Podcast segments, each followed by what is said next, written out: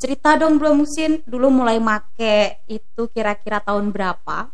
Dan kayaknya Waduh. kalau yang di makainya apa Waduh. sampai Oke, assalamualaikum warahmatullahi wabarakatuh, sahabat potluck di mana pun anda berada. Jumpa lagi pastinya dengan saya, hostnya potluck loka. Dan kali ini akan saya hadirkan sosok yang cukup menginspirasi, sosok yang memberikan ya eh, banyak pembelajaran dalam proses hidupnya, diawali dulu juga dia pernah menggunakan narkoba. Nanti kita tanya langsung bagaimana dulu ceritanya sehingga saat ini dia bisa sampai di fase titik ini dia bisa menjadi program manager eh, di Loka Rehabilitasi Kaliada. Langsung aja, Brother Muhsin Harahap. Sapa dulu dong sahabat potluck. Halo sahabat potluck. Oke, Brother Musin Harahap berarti Yes, darahnya Batak ya? Batak. sister. Batak. Eh, brother, Ya, aslinya berarti Medan. Medan sister. Jauh ya dari Medan ke Kalianda gitu kan? Lumayan jauh sister dari ujung ke ujung. Iya, kalau jalan. Jalan. kalau jalan Kalau jauh. jalan kaki. Kalau jalan kaki jauh Iya. ya kan? Oke, Bro Muksin. ya sis. cukup menarik proses perjalanan hidup Bro Muksin gitu kan sampai saat ini bisa dikatakan bisa sukses lah jadi program manager di Loka Rehabilitasi Benen Kali Anda dan banyak ilmu yang sudah didapatkan tidak hanya ilmu tapi praktek langsung juga gitu kan Sis. jadi eh, ketika pernah merasakan pernah terjun langsung artinya bisa menyentuhnya lebih dalam gitu kepada klien Bro Moksin cerita dong dulu perjalanan hidupnya seperti apa gitu. Oke, terima kasih Sister Nurma dan juga sahabat potluck. Ya, kalau kita bercerita tentang masa lalu, ya Oke. pada dasarnya saya juga sama dengan brother-brother saya yang ada di dalam. Saya juga adalah seorang mantan pecandu yang alhamdulillah sekarang ini sudah Sudah taubat ya? taubat. sudah taubat nasuha. Sudah taubat dan sudah Oke. oh, belajar Mm-mm. untuk membantu orang lain Siap. yang mungkin sama perjalanannya dengan saya agar mereka bisa oh, bangkit dan bisa menyusun masa depan yang Masa lebih depan yang lebih baik baik, lagi. lagi. Oke. begitu sister. Cerita dong Bro Musin dulu mulai make itu kira-kira tahun berapa? Dan kayaknya kalau yang di makainya apa Waduh, sampai proses Bro Muksin perjalanannya bisa sampai Kalianda gitu. Boleh cerita. kalau kita cerita di sini sister mungkin dua hari dua malam nggak selesai kita sister. Gitu ya. Iya.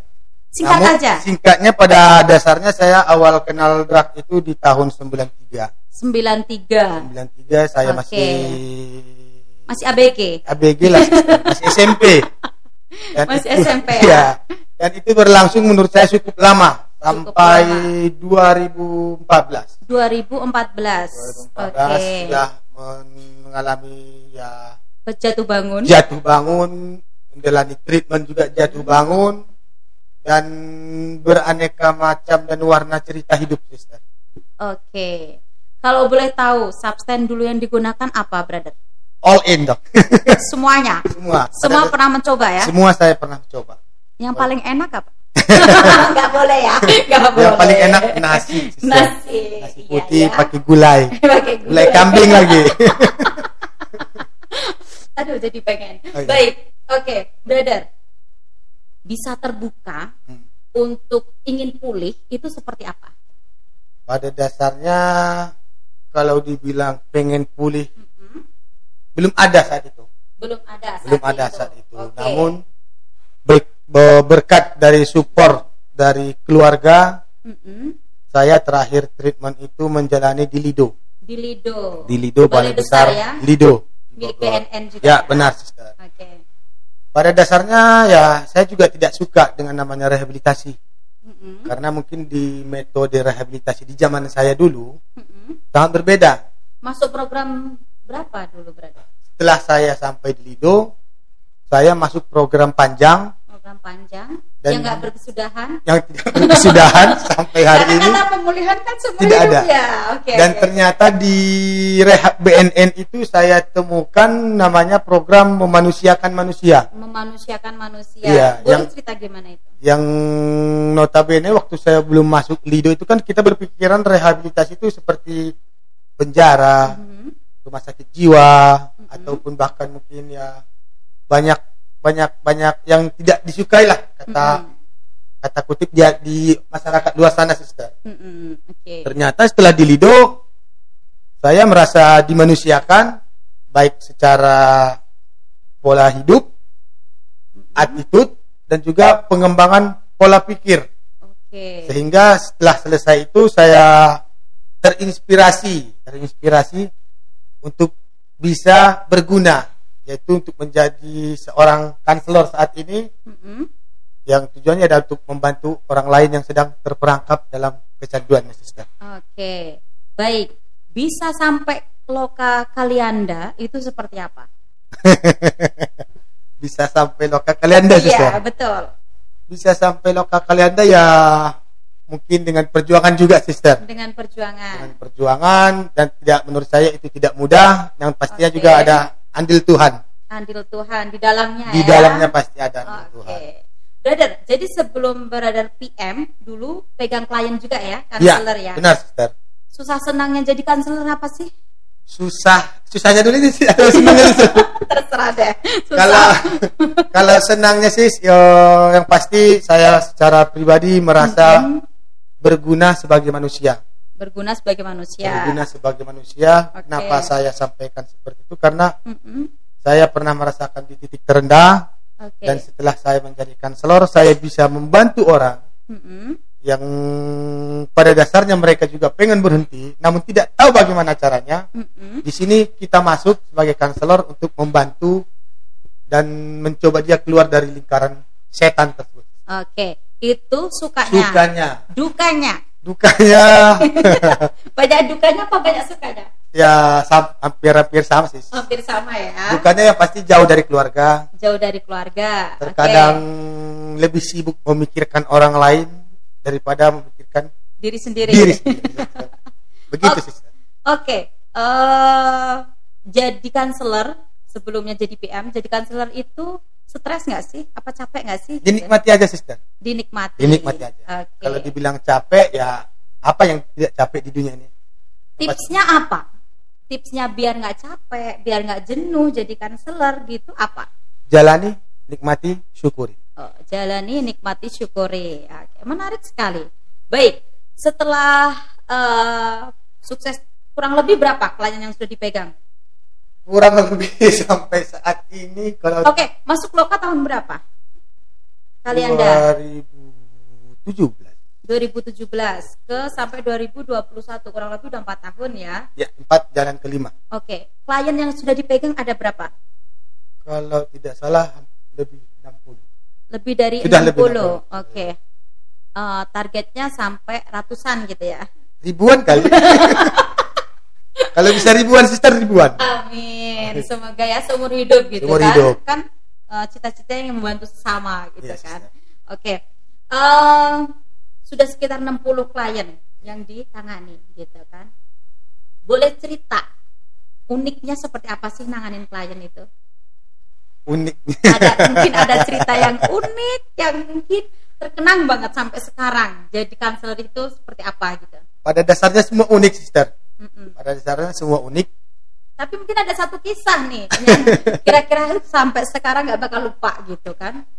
oh ya banyak sih sis Banyak ya. banyak banyak karena di situ kita merasa seperti berkaca Oke. berkaca terhadap diri sendiri, diri sendiri baik itu klien yang mungkin resisten Mm-mm. baik itu klien yang tidak accept intinya berbagai macam cerita itu sepertinya ini saya dulu banget loh Ada nggak yang dia nggak mau sama sekali masuk program gitu? banyak sister Banyak. banyak Biasanya tipsnya gimana kalau kayak gitu? tipsnya ya seperti di sini kan kita juga sudah dibekali sister sudah Iya. dibekali dengan Apa ditaboin gitu? oh tidak sister di sini kita tidak main tabok menabok Oh, tidak boleh Tidak ya. tabok menabok. Ya. Semuanya dengan hati ya. dengan hati, dengan metode yang sudah diajarkan oleh BNN Oke.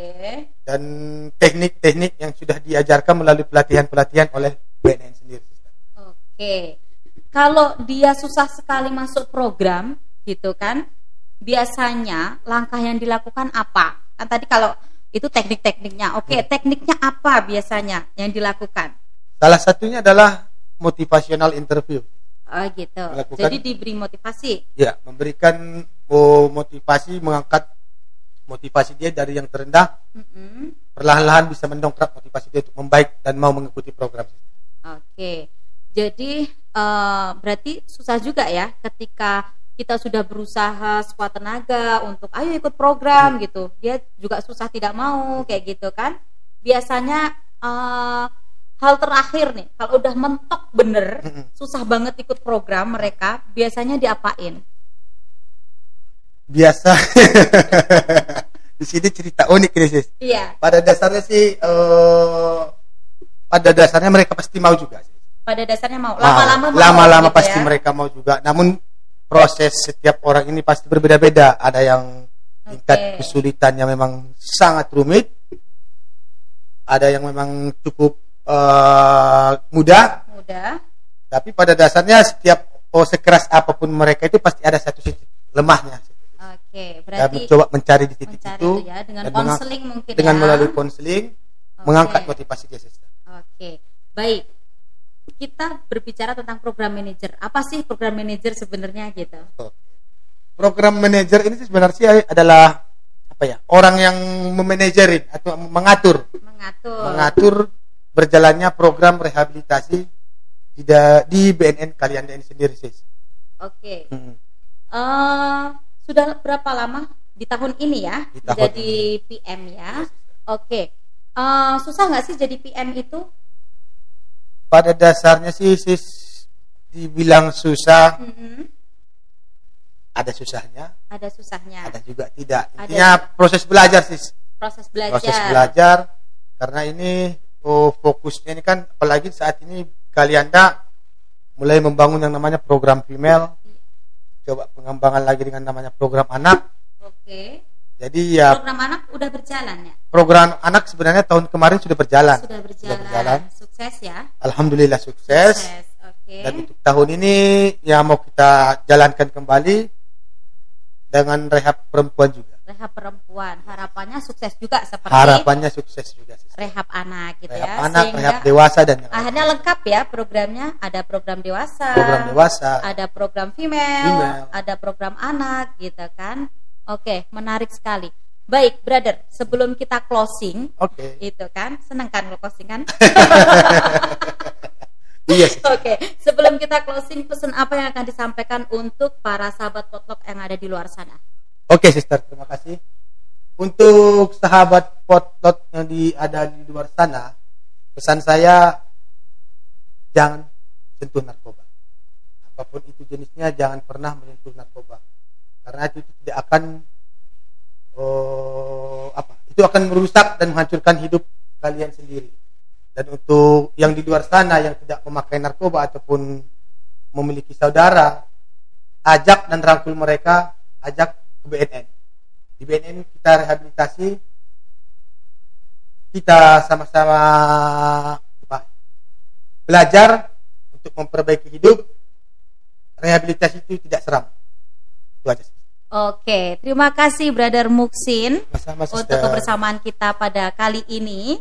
Kita sudah berbicara banyak hal, semoga menginspirasi para sahabat Amin. yang ada di luar sana bagaimana proses perjalanan Bro Muksin dulu, jatuh bangunnya dan lain sebagainya sehingga sekarang bisa menjadi seorang PM dan semoga terus bisa menginspirasi uh, Amin. para sahabat potluck yang ada di luar sana.